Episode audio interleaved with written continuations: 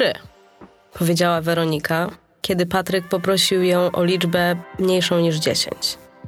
Uśmiechnął się, bo zupełnie nie miała pojęcia, jakie wyzwanie dla niej przygotował.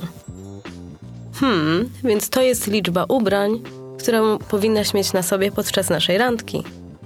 Patryk zamówił whisky bez lodu i rozejrzał się po sali gier w kasynie. To była tłoczna noc.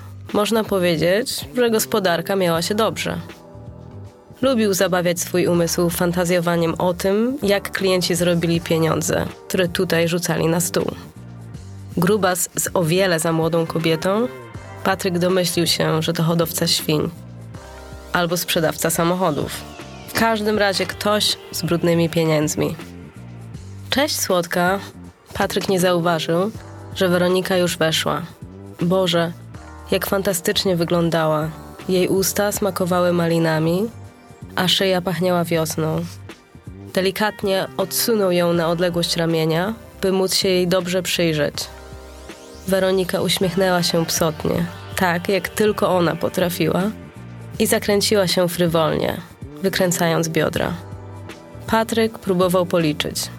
Czarna sukienka z odkrytymi plecami. To był numer jeden.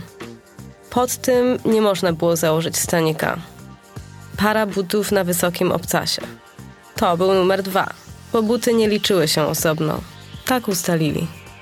Patryk pozwolił, by jego dłonie przesunęły się po jej biodrach. Nie czuł pod palcami majtek. Weronika tylko spojrzała na niego znacząco i przygryzła warkę. Delikatnie. Jak prawdziwy Sherlock Holmes, Patryk zbadał ją. Bez kolczyków. Nawet gumki we włosach nie było.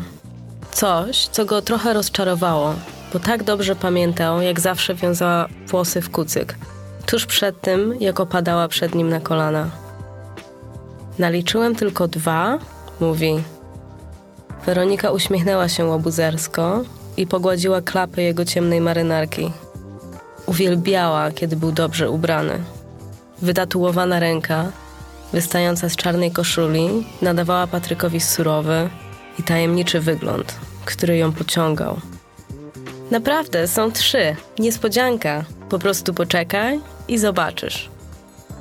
Przez cały wieczór Patryk mógł myśleć tylko o jednym. Co to za trzecia rzecz, którą miała na sobie Weronika? Za każdym razem, gdy pochylała się, jej sukienka zaciskała się wokół jej pysznych pośladków. Patryk był facetem z obsesją na punkcie tyłków i wydawało się, że Weronika kręciła tego wieczoru biodrami jeszcze bardziej niż zwykle. Prawdopodobnie po to, żeby doprowadzić go do szaleństwa. Flirtowała ze wszystkimi mężczyznami, ale zawsze utrzymywała z nim kontakt wzrokowy. Ostatni żeton postawiła na numer 3, ale znowu nie miała szczęścia. Czas było iść. Czy już wiesz? Weronika stanęła przed nim w swoim pokoju hotelowym. Patryk pokręcił głową. Naprawdę nie miał pojęcia. Czy mogła mieć piercing? Znowu pojawił się ten psotny uśmiech Weroniki, gdy zrzucała sukienkę z ramion. Najpierw ukazały się jej małe, dziewczęce piersi. Bez stanika. To nie było zaskoczeniem. Kołysząc biodrami, zepchnęła sukienkę jeszcze niżej, aż ta spadła na podłogę. Miał rację. Nie miała też na sobie majtek. Patryk cmoknął językiem na widok starannie przestrzeżonej kępki włosów.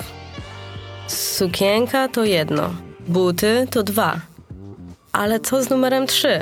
Patryk nie mógł dłużej powstrzymać swojej ciekawości. Małymi, szybkimi krokami Weronika zaczęła iść w jego kierunku, aż znalazła się bardzo blisko niego. Odwróciła się do niego plecami i powoli pochyliła się. Tada! Patryk miał teraz dobry widok na piękne krągłości.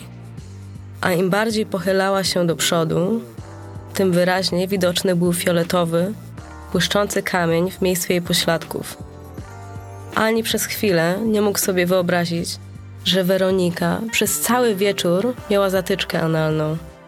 To wyjaśniało, dlaczego przez całą noc tak kręciła biodrami. Ogarnęła go mieszanka emocji. W dziwny sposób odczuwał szacunek i podziw, ale przede wszystkim czuł, jak jego podniecenie rośnie szybciej niż kiedykolwiek wcześniej. Pieprzyć grę wstępną, warknął, odpinając pasek i rozporek. Trójka okazała się jednak jego szczęśliwą liczbą.